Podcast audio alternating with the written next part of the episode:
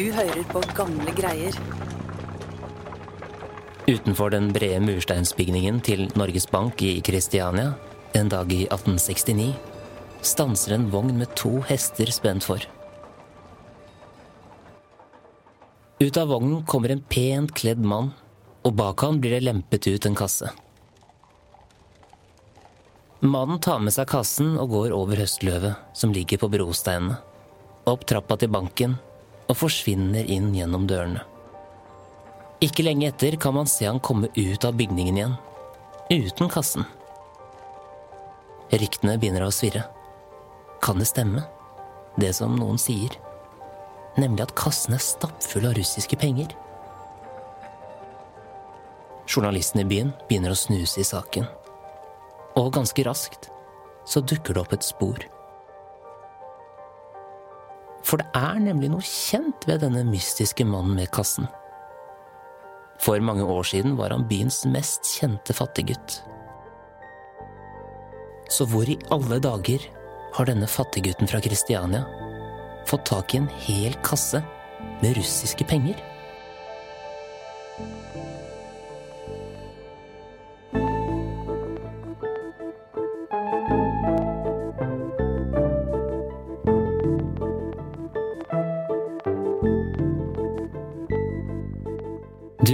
Gamle greier, en historiepodkast fra Nasjonalbiblioteket. Jeg heter Lars Hamren Risberg.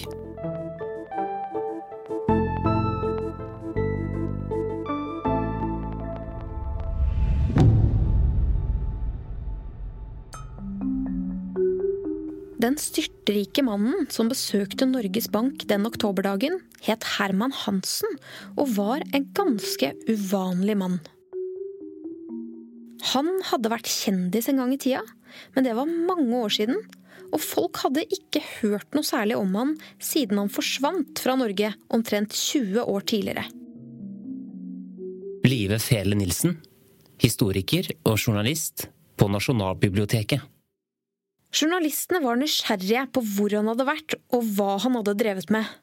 Og de ble ikke mindre nysgjerrige da de fikk vite at kassen han hadde lagt igjen hos Norges Bank, inneholdt ikke mindre enn 175 000 spesidaler i russiske penger, jernbaneaksjer og obligasjoner. Bergensposten, onsdag 13. oktober 1869. En fattig gutt fra Kristiania som i sin tid gjorde seg bemerket ved sitt oppvakte vesen, er i disse dager vendt tilbake som en rik mann. Og etter hvert så begynte journalistene å grave i saken. Det kan ikke ha vært så enkelt å grave i fortiden til noen som man ikke hadde sett på flere tiår. Nei, og det var én ting som gjorde jobben ekstra vanskelig. Nemlig at det var så mange rykter og fortellinger knyttet til den mystiske Herman Hansen at det var vanskelig å si hva som var sant og ikke. Men én ting var de fleste enige om, og det var at historien hans begynte mange år tidligere, tilbake i 1832, i en fattigslig bygård i utkanten av Kristiania. I bygården lå det en liten leilighet, og i den leiligheten bodde tolv år gamle Herman Hansen sammen med moren og søsteren sin. Herman hadde akkurat mista faren sin til koleraepidemien som hadde tatt livet av mange mennesker i hovedstaden det året. Og nå hadde han et skikkelig stort problem. For uten inntekten fra farens arbeid som skomaker, så hadde ikke familien til Herman lenger penger til å betale husleie og mat. Og som eneste gutt i familien så følte nok Herman et ansvar for å unngå at moren og søsteren måtte gå og be om penger fra fattigkassa. Så Herman måtte prøve å finne en utvei. Kristiania var en by med store klasseskiller og få muligheter til sosial mobilitet, så det var ikke noen enkel sak å gå fra å være fattig skomakersønn til å tjene gode penger. Men en vinterdag så fikk Herman en idé.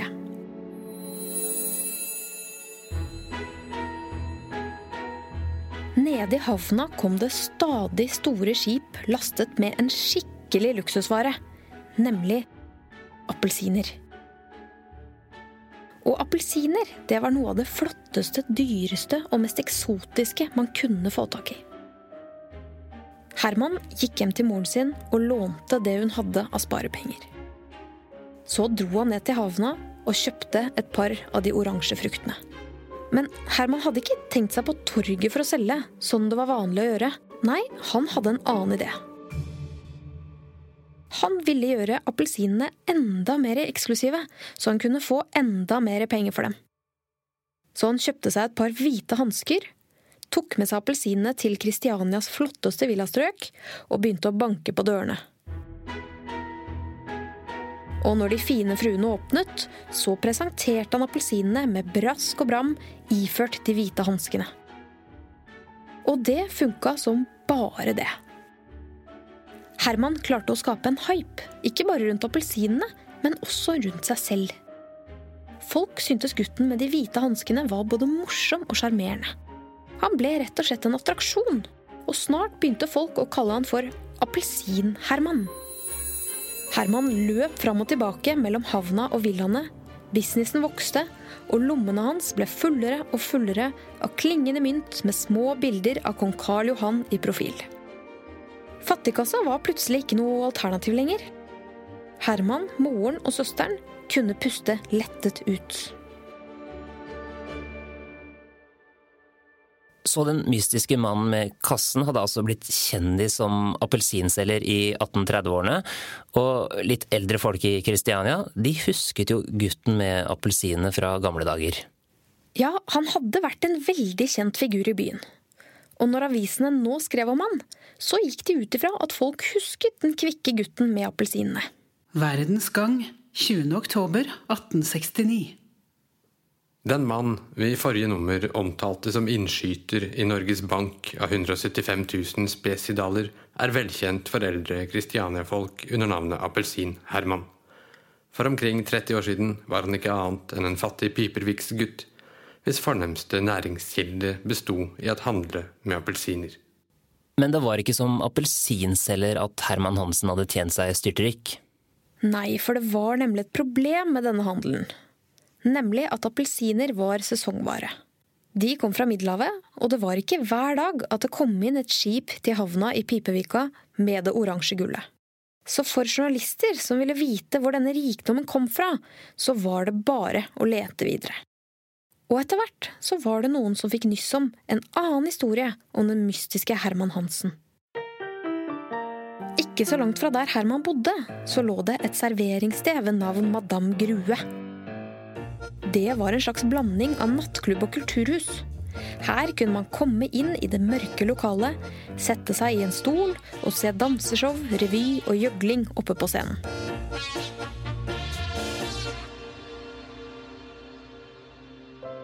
Og som tenåring så fikk Herman jobb som løpegutt og lampepusser på Madame Grue. Mens han pusset lamper og løp mellom stolene, så ble Herman kjent med miljøet. Og det han fikk se, det var en bransje som gikk så det suste. Folk i hovedstaden var veldig klare for å bli underholdt, og kanskje glemme for en liten stund all fattigdommen, trangboddheten og sykdommen som herjet byen. De neste par åra sugde Herman til seg lærdom fra dette miljøet. Han lærte seg å gjøgle, og han observerte hva folk likte og ikke likte av det som skjedde på scenen. Og da han var blitt 18 år, så dukket opp en mulighet han ikke kunne la gå fra seg.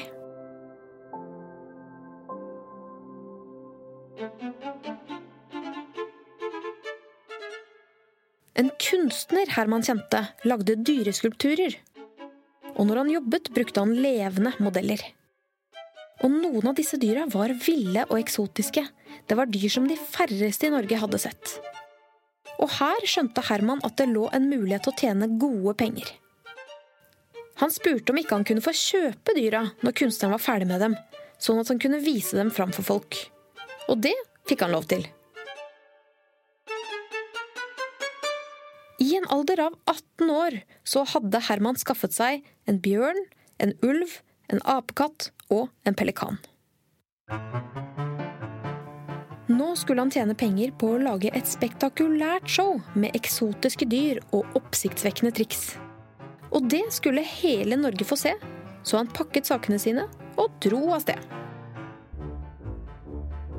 I røde fløyelsbukser, svart frakk og gullbrodert lue sto han selvsikkert i manesjen. Og publikum, de gispet, lo og klappet begeistret. Før Herman besøkte en ny by, så satte han inn annonser i lokalavisene. Trondheim borgerlige realskoles aleneprivilegerede adressekontors efterretninger 30. juli 1842. Med høyeste øvrighets tillatelse akter undertegnede søndag den 30. juli klokken fem om ettermiddagen presis på veien ved herr Holks landsted at give en stor kunstforestilling i fire avdelinger. Så den mystiske Herman Hansen hadde rett og slett startet et lite sirkus en gang i tiden. Ja, og det må ha vært et av Norges første.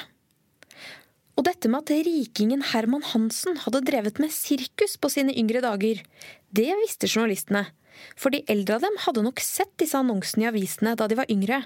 Og noen av dem hadde kanskje til og med dekket et av showene hans, for det var nok av reportasjer i avisene. En norsk kunstner, hurtigløper Herman fra Kristiania. Den første norske klovnsproduksjoner.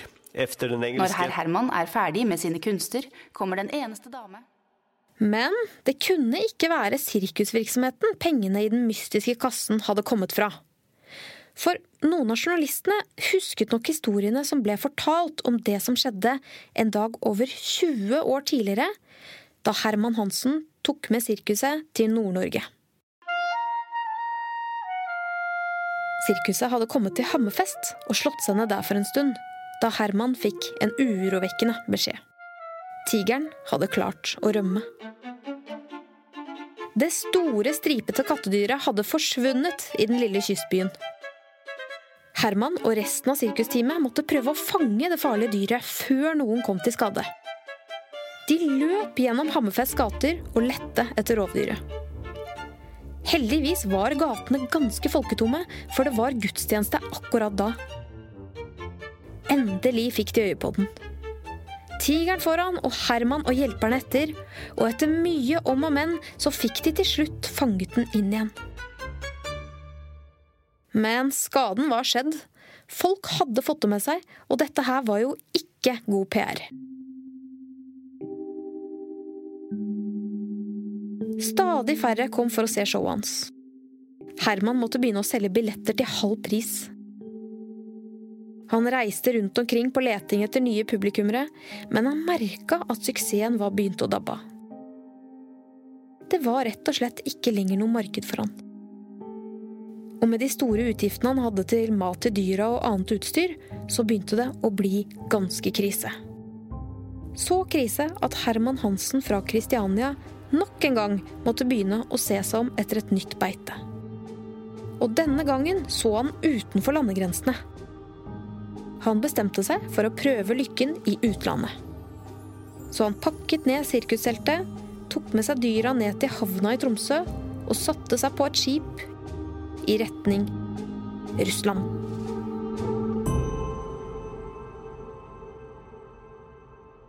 Så en gang i begynnelsen av 1840-årene hadde altså den mystiske rikingen Herman Hansen tatt med seg sirkuset sitt til Russland. Og det var jo mulig å si sikkert for journalistene som gravde i historien hans. Ja, om ikke journalistene selv husket det, så var det jo bare å bla opp i gamle aviser og lese hva som sto om det der. Blant dampbåtspassasjerene til Hammerfest i dag reiste også universalgeniet Herman med sine dyr. En pelikan, en tiger og en jaguar. For fra Hammerfest at reise på en russerlodje til Arkangelsk. Denne reise vil, som det heter i kunstnerspråket, sannsynligvis foranledige et vendepunkt i hans utvikling. Og gamle aviser kunne avsløre litt om hvordan det hadde gått i Russland også.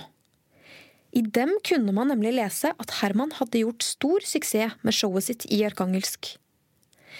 Men etter 1843 stoppet sporene brått. Navnet hans var ikke å finne i avisene fra de påfølgende årene, og dette skapte hodebry for alle som ville vite hvordan den mystiske Herman Hansen hadde tjent pengene sine. Men en dag så dukket opp nye historier. Historier som var så ville at det var vanskelig å tro at det kunne være sant. Herman og sirkuset hans reiste land og strand rundt for å finne publikum til showet sitt. De tråklet seg gjennom det ugjestmilde russiske landskapet, helt til de en dag stanset i utkanten av en liten landsby. Der traff de en kar som advarte dem mot å reise videre. For i den landsbyen var folk så fattige og sultne at de kom til å robbe dem. Herman ignorerte advarselen. Den eneste forholdsregelen han tok, var å grave ned verdisakene sine i jorda et stykke utafor landsbyen. Så trillet han kjerrene sine inn på torget som vanlig og begynte å avertere for showet sitt.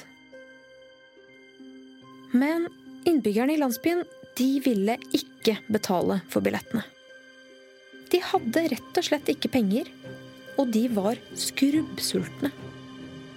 Landsbyfolket flokket seg rundt ham. Stemningen ble hissigere og hissigere, og så brøt kaoset løs. Den sultne landsbybefolkningen grep Herman og firte han opp i stanga på sirkusteltet hans. Så tente de et svært bål. De henta hestene som hadde dratt kjerrene, slakta dem og begynte å grille dem. Og etter en stund så gikk bjørnen samme vei. Én etter én ble dyrene til Herman slaktet. Og Herman kunne ikke gjøre annet enn å se fortvila på at landsbyen sakte, men sikkert spiste opp livsverket hans. Selv tigeren fra Hammerfest måtte bøte med livet.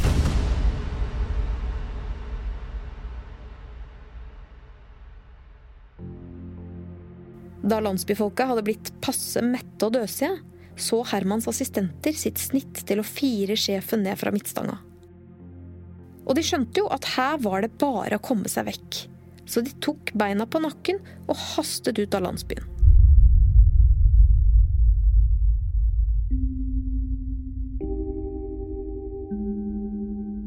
Da alt så som mørkest ut, og Herman sto på bar bakke igjen, så skjedde det utrolige.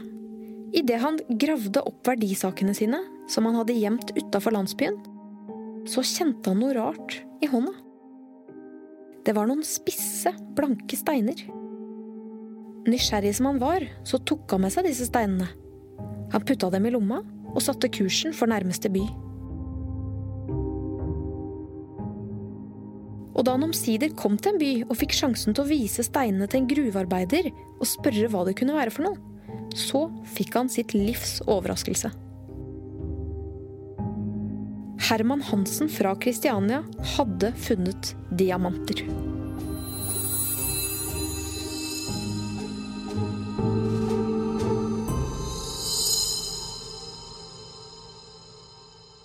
Formuen til den mystiske rikingen stammet altså fra et helt tilfeldig diamantfunn midt ute i ingenting i Russland.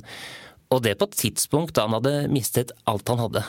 Ja, det var jo en helt spektakulær historie, eller kanskje mer et rykte, egentlig, som dukket opp da flere og flere begynte å grave i Herman Hansens historie i de påfølgende årene og tiårene.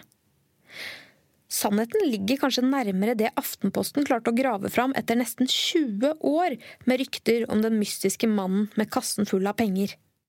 Efter at havet forsøkt forskjellige ting i Nord-Russland, bega Hansen seg til Ural og begynte her at arbeide på diamantfeltene som simpel arbeider. Efterhånden lykkedes det ham å bli kontraktør, hvorved hellet fulgte ham, så at han til sist ble partisipant i diamantfunnene og i løpet av kort tid ervervet seg stor formue.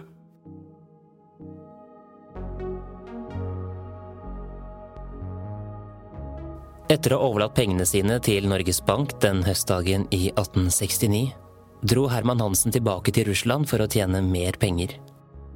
Han flyttet etter hvert vestover i Europa og ble sett i Polen, Tyskland og Frankrike. Journalistene mistet ikke interessen for han, selv ikke etter hans død i 1892. De fortsatte å skrive de utroligste historier om fattiggutten som ble millionær i flere tiår etterpå. Det var aldri noen som klarte å få helt på det rene hvordan fattiggutten hadde blitt så ufattelig rik.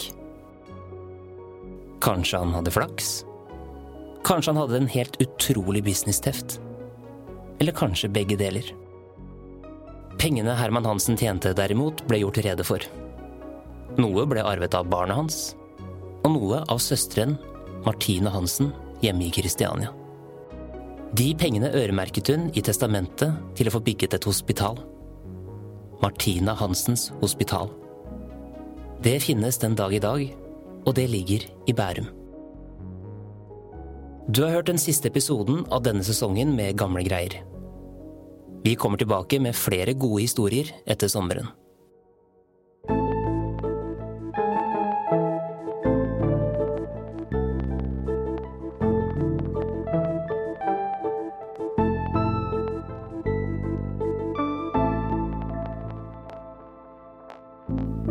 Episoden er laget av Live Fele Nilsen, Dang Trind, Ina Charlotte Fjellhøy, Ragna Nordenborg og meg, Lars Hamren Risberg. Kilder til episoden var Herman Bertelsens bok Appelsin-Herman, gjøgleren som ble millionær. Avisartikler fra Nasjonalbibliotekets avisarkiv i perioden 1834 til 1938. Boka Kjentfolk og originaler i det gamle Kristiania av Håkon B. Nilsson. Og boka Martines arv. Martine Hansens Hospital 1936 til 2011 av Tone Vassbø. Musikken du har hørt i denne episoden, er fra Epidemic Sound og Therese Aune. Du finner mer av Thereses musikk på thereseaune.com, eller der du strømmer musikk til vanlig. Mitt navn er Lars Hamren Risberg. På gjenhør.